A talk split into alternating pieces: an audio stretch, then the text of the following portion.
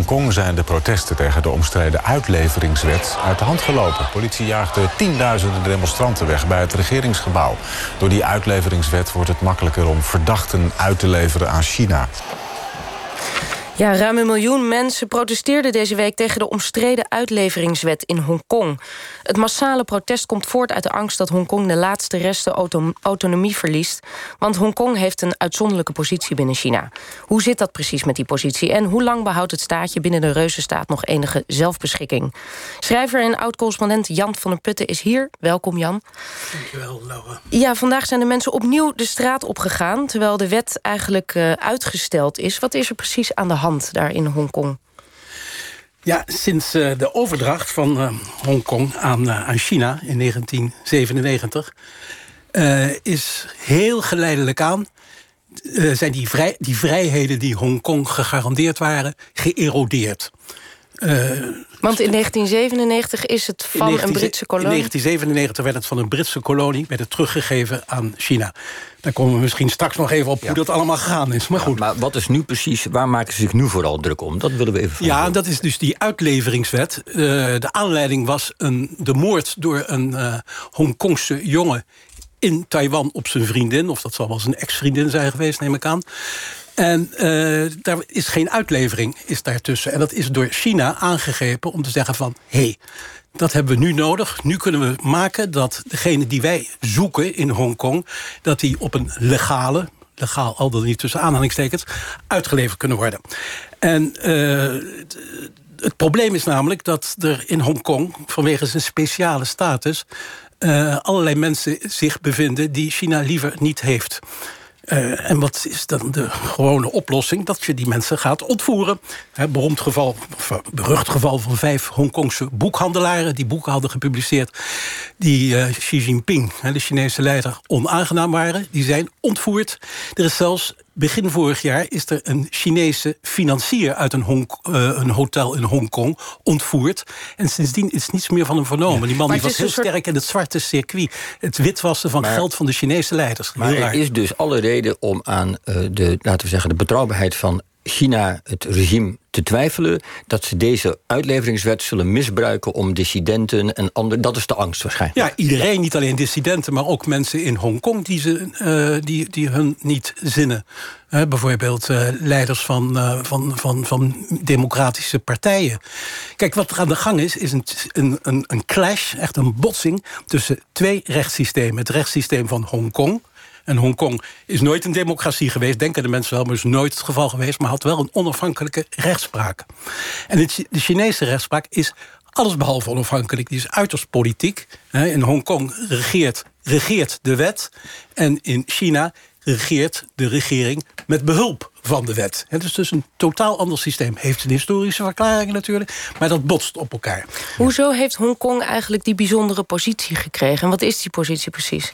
Nou, dat was dus in 1997, bij die, bij die overdracht.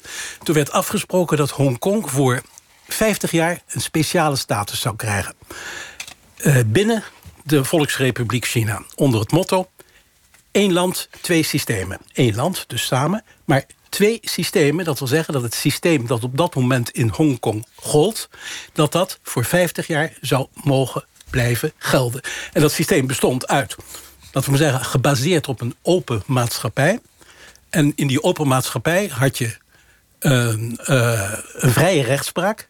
een vrije pers, tolerantie en een uiterst kapitalistisch systeem... dat weinig te maken heeft met de, het Chinese, socialistisch, dus de Chinese socialistische markteconomie. In ieder geval twee systemen die naast elkaar zouden kunnen blijven bestaan. En hoe was Hongkong uh, aan de Engelsen gaan toebehoren? Hoe is dat gegaan? Um, heb je even tijd? Ja, nee. ja, Jan, we verwachten van jou, kundig als je bent... dat je dit in drie vulzinnen even uitlegt aan ons. Drieënhalf.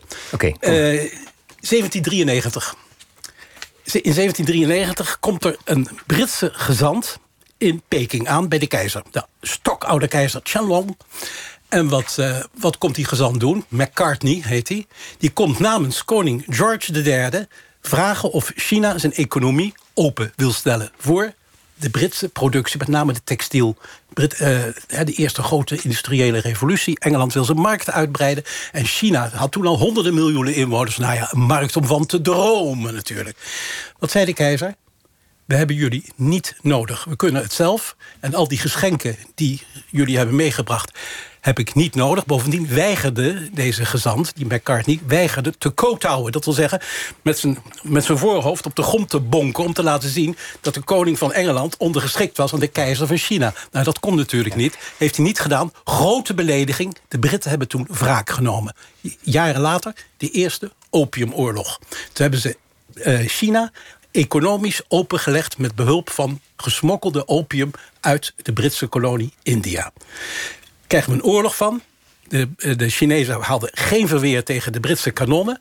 En toen kwam in 1842 het eerste zogeheten ongelijke verdrag. En toen moest uh, China onder andere een piepklein vissershaventje... maar onbeduidend, bestond uit een paar hutten... Hongkong, Shandong, dat betekent geurige haven... moesten ze afstaan aan, uh, aan China. En, dat is zo, en zo is dat begonnen. En dat is nu dat gebied met al die skycrabbers. En, en precies, ik heb eens een keer een tentoonstelling gezien... dan zie je foto's van 1842. Het is helemaal niks, het zijn een paar hutjes. En dan foto's van nu, hè. dat is geen vergelijking natuurlijk.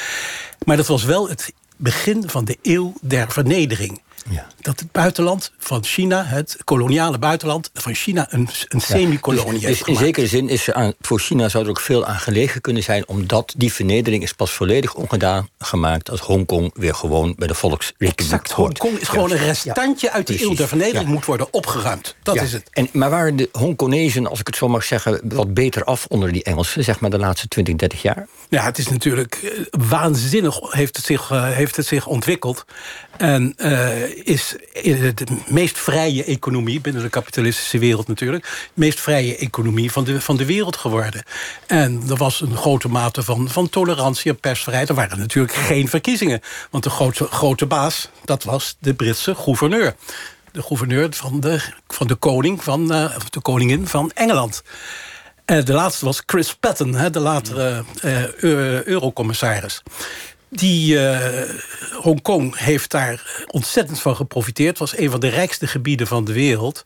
En daar hebben een hoop mensen toch nog wel heimwee voor. En je ziet soms in demonstraties voor de onafhankelijkheid van Hongkong... zie je mensen met de Britse koloniale vlag rondlopen. Juist, ja, kijk, zeg. kijk. Hoe mooi wil je het hebben? Nu is de regeringsleider van Hongkong op het moment Carrie Lam... als ik het goed zeg, die wordt gezien als een marionet van Peking, toch? Natuurlijk, ja. Hoe, hoe, is dat nu, uh, hoe moet dat nu verder? Want zij is voor die wet, zij wil dat gaan door doordrukken. Hij is nu voorlopig uitgesteld, maar hoe moet dat nu verder? Ja, het grappige is, zij is eigenlijk het product van die vorige grote protestbeweging... die, die paraplu-revolutie. 70 dagen lang Hongkong verlamd door ontzettend veel mensen. En de inzet daarvan was namelijk dat uh, Peking wilde de verkiezing voor de regeringsleider van Hongkong uh, alleen maar laten plaatsvinden onder kandidaten die de goedkeuring hadden van Peking. Nou, terwijl beloofd was voor het eerst dan vrije verkiezingen. Geen sprake van, daar is dus tegen geprotesteerd. En dat is, uiteindelijk is dat mislukt. De organisatoren daarvan die zitten gevangen op het ogenblik. Maar goed, daar, dat ging dus niet door. En Carrie Lam is een, een apparaatchic en is gewoon een marionet van Peking... zoals het hele bestuur van Hongkong niet de vertegenwoordiging is van Hongkong. De helft van de wetgevende macht bijvoorbeeld is benoemd. Hè. Ja.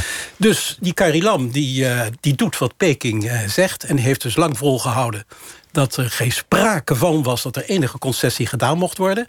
En heeft gezegd dat die, uh, die, die jongeren die daar op straat aan het protesteren waren... dat dat verwende jongeren waren. Nou ja, nu heeft ze dan gedeeltelijk toegegeven... En maar niet echt, want ze heeft alleen gezegd... ja, we hebben communicatiefouten gemaakt. We hebben het niet goed uitgelegd hoe voordelig die wet wel is. Dat is, dat is eh, Jan, de, de, de, wat, wat, wat voor gevoel hebben die mensen in Hongkong? Ik zou zeggen, 2047 is het einde oefening. Die hmm. mensen moeten een soort Titanic-gevoel hebben. Ja, nou ja, deze demonstratie is ook genoemd uh, om te verhinderen dat de laatste spijker of de laatste nagel aan de Hongkongse doodkist wordt, uh, wordt, wordt uh, vastgespijkerd, nietwaar?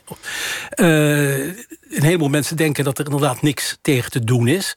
Misschien wordt het de inzet van de grote confrontatie tussen China en de Verenigde Staten. Want er zijn een hele hoop fronten. niet alleen de handelsoorlog of de technologieoorlog. Er zijn zoveel andere dingen. En Hongkong kan daar ook bij komen. Het Amerikaanse congres heeft al wat dat betreft initiatieven genomen. Maar uh, ja, ik heb zo het idee... de Chinezen over het algemeen worden in Hongkong gehaat. Je zou zeggen, voor ons is het allemaal hetzelfde. Geen sprake van. Ze worden echt buitengewoon uh, met, met, met, met slechte ogen bekeken. Um, nou, het is nu of nooit. En, en, en, en we hebben toch niks te verliezen. Dus laten we het maar proberen. Het zal misschien wel uh, nog steeds uh, groter worden, het protest. Want we zien nog steeds op het nieuws dat er uh, mensen de straat op gaan. Ja, en morgen waarschijnlijk een, een algemene staking weer. Ja. En het grappige is, het, het, zijn niet alleen maar studenten of zo. Het is ook het zakenleven. Want het zakenleven is juist bang ja. dat ze de, de, de onafhankelijke rechtspraak kwijt, kwijtraken. En dat is nou juist een van de sleutels om een, een, een bloeiende economie te krijgen. Goed, massaal protest in Hongkong. Hartelijk dank Jan van der Putten voor je komst en toelichting.